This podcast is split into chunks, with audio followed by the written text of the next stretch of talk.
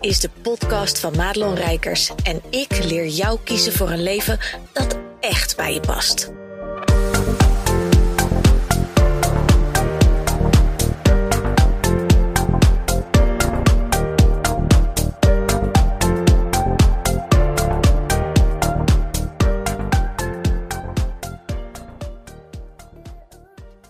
Hey, wat goed dat je luistert naar deze podcast. En als je mij een beetje op social media volgt en al wat langer volgt, dan weet je dat er op dit moment een heleboel uh, going on is, Shay Rijkers. En niet alleen maar privé, maar ook gewoon in de business. Want ik zit op dit moment in een, um, een shift alweer. Ja, alweer. maar dan een shift met wat er al is. Om uh, op een andere manier uh, mijn business weer in te richten. Want ja, heel eerlijk, met uh, de persoonlijke situatie waar we op dit moment mee te dealen hebben, is dat perspectief over wat een goed te voeren strategie is voor mij nu, uh, was weer veranderd. En daar doe ik natuurlijk op, uh, op het nieuws dat onze lieve boel Mastief Moos van 10 maanden en bijna 60 kilo, zo ongeveer, dat die een dubbele aangeboren hartafwijking bleek te hebben met een ontzettend slechte prognose. En de cardioloog van de kliniek zei ook van nou, als jullie hem nog een half jaar zonder klachten kunnen hebben, dan zou dat heel mooi zijn. Dus uh, ja, daar hoorde ik wel de ondertoon in uh, van reken, jezelf maar niet rijk, uh, vijf gaat hij niet worden, zeg maar. Ik hoop nog ergens dat hij drie kan worden, maar dat was misschien ook wel een beetje hoog gegrepen. Ik vertel dat nu heel makkelijk, maar weet dat ik daar natuurlijk in duizend stukjes ben gebroken toen we dat nieuws kregen.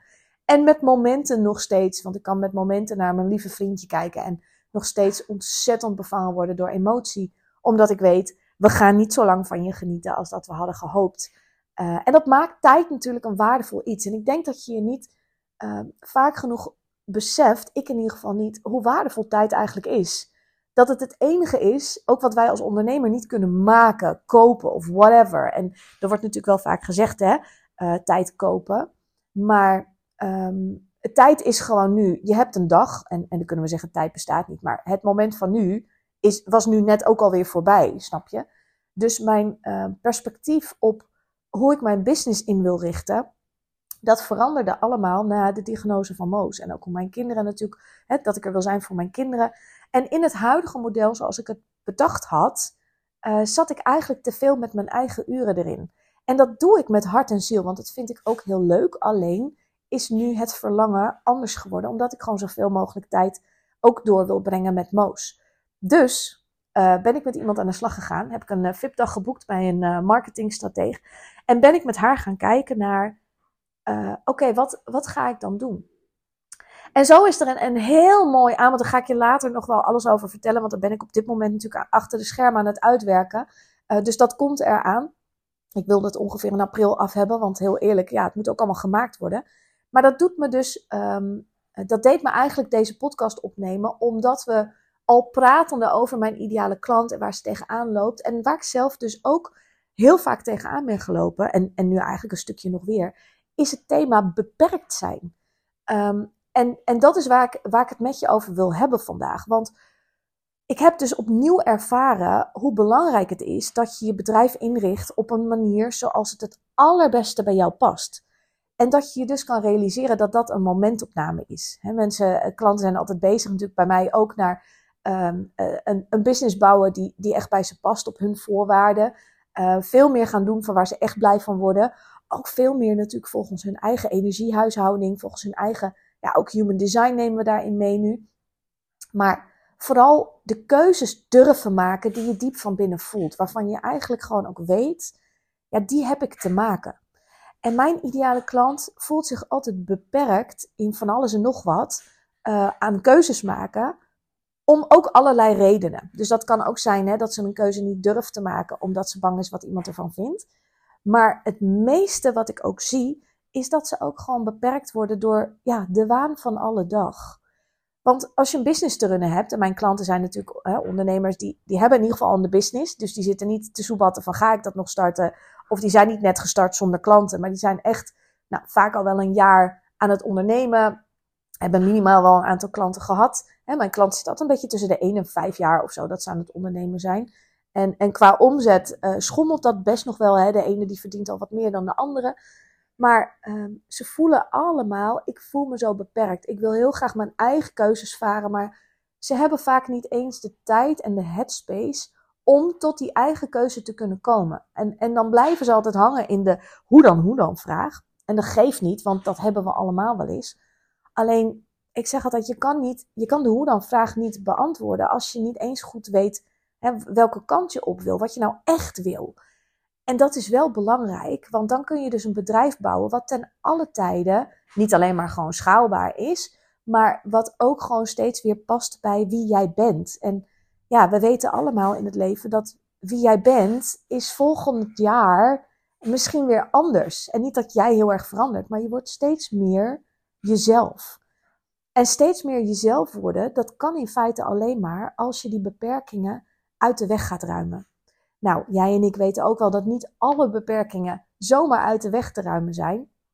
Maar ik weet ook in het werken met klanten dat uh, er veel meer vrijheid is. Uh, niet, niet, alleen maar in tijd, maar ook gewoon financieel, dan dat je denkt. En um, ik ben er nu weer vol in bezig. En dat maakt mij toch ook altijd weer nederig, omdat het zo'n ja, innerlijke journey ook is om weer iets hè, aan te gaan passen. Nou, daar komen ontzettend veel dingen bij kijken. Nou heb ik het op zich nog makkelijk, omdat ik werk vanuit wat er al staat. Alleen, er moeten allemaal dingetjes nog aangepast en veranderd worden en, en nog extra gemaakt worden. Maar ik kan je vertellen, het wordt echt heel tof. Ik had nooit in mijn wildste dromen gedacht dat ik op deze manier een programma zou gaan draaien. Um, wat super schaalbaar is tot in een oneindigheid bijna. Uh, waar ik 100% achter sta als het gaat om de waarde en de resultaten die het gaat opleveren. Want dat was voor mij echt een pre. Ik zei tegen Christel, ik ben met Christel Verbiesen gaan zitten een dag. Uh, ik zei, zij is een ontzettend goede marketingstratege. Ik zou haar zeker gaan volgen. Uh, ik zei tegen haar, ik wil tijd, Christel. Um, en uiteraard ook omzet. Want het moet wel een aanbod zijn uh, waar ik mijn omzet uit kan halen. Zonder dat ik daar met heel veel van mijn tijd in zit. Ik had natuurlijk een pilot gedraaid. Nou, fantastisch, maar dat is een één op één. Um, als ik dat volledig wil gaan doen, ja, dan speel ik mezelf niet vrij. Dus zo kwam ik niet tot een, een, uh, een goede strategie die goed schaalbaar is. Maar die dus ook heel veel tijd uh, bracht. En Christel is met mij gaan kijken en, en, en komt dan met het idee dat ik denk, nou, daar heb ik echt nog nooit over nagedacht. Maar zij zo goed ook in connecting the dots. Uh, en ik heb dat nodig, want ik heb ook mijn eigen blinde vlekken. En op deze manier opende zich weer een hele weg van vrijheid. En tegelijkertijd begon ook de weg om het neer te gaan zetten. En dat betekent dus ook dat ik uh, ja, een drie maanden planning heb. En, en dat ik dus zorg moet dat mijn shit af is. Dat ik deadlines uh, heb gesteld. En dat ik dus aan de bak moet. En terwijl je aan alle kanten beperkt wordt als ondernemer. Hè, want ik heb ook gewoon een bedrijf wat al, wat al staat. Ik, ik draai een, een, een, een, uh, een groep uh, staan voor wie je bent. Ik uh, heb mijn één op één klanten in essentie van succes. Ik heb mijn pilot één op één klanten die natuurlijk hè, nu een beetje richting de helft van de pilot gaan. Dus ik doe nogal wat, laat ik het zo zeggen.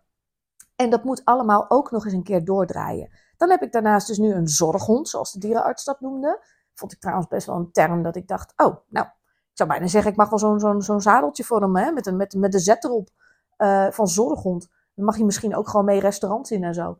Maar um, ik heb natuurlijk een gezin, een dynamisch gezin. Want uh, ja, als je me volgt ook op, uh, op andere kanalen, dan weet je ook wel dat dat naast wat er met Moos speelt, dat er ook met mijn jongste gewoon heel veel speelt. En soms ook met mijn oudste op de middelbare. Dat moet ook allemaal gemanaged worden. En ik ben iemand, ik ben heel ambitieus. Ik wil er echt ook zijn voor mezelf. Maar ik wil er ook echt heel erg zijn voor mijn kinderen. En dat betekent dat ik dus uh, niet beperkt moet zijn in mijn tijd. En soms is dat zo, want de kinderen weten hier ook wel dat er werktijd is voor mama.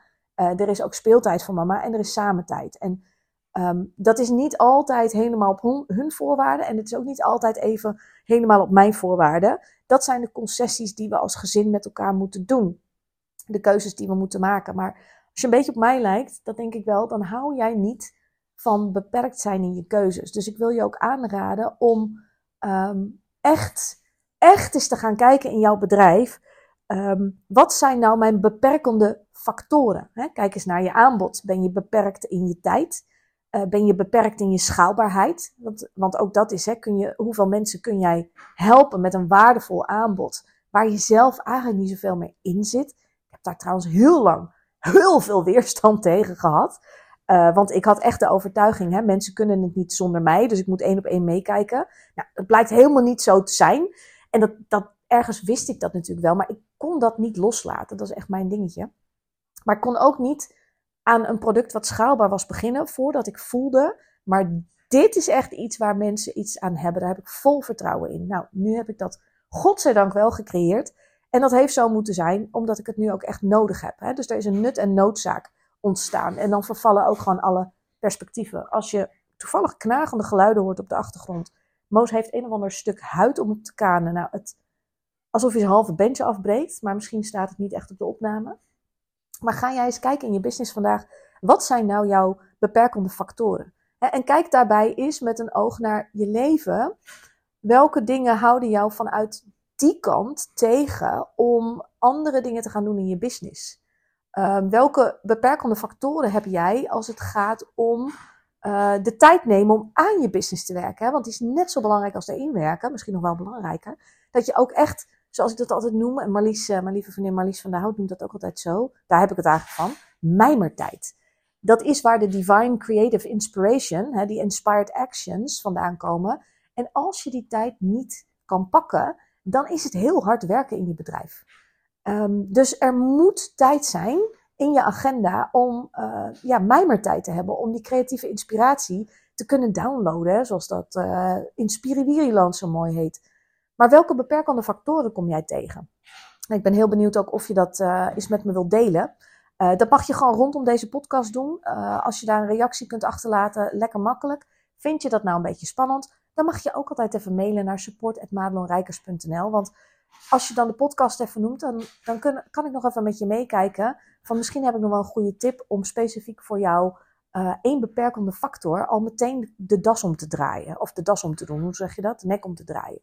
Heel vaak zit namelijk uh, de oplossing in een hoekje waar jij het niet verwacht. Zoals hij natuurlijk voor mij ook in een hoekje zat waar ik hem niet verwachtte. Um, en, en is de oplossing ook vaak nog eens een keer heel simpel. Mijn klanten kunnen ontzettend moeilijk denken. Dat maakt ze creatief super begaafd. Ze kunnen hele moeilijke denkprocessen uitdenken, uh, hebben overal een oplossing voor.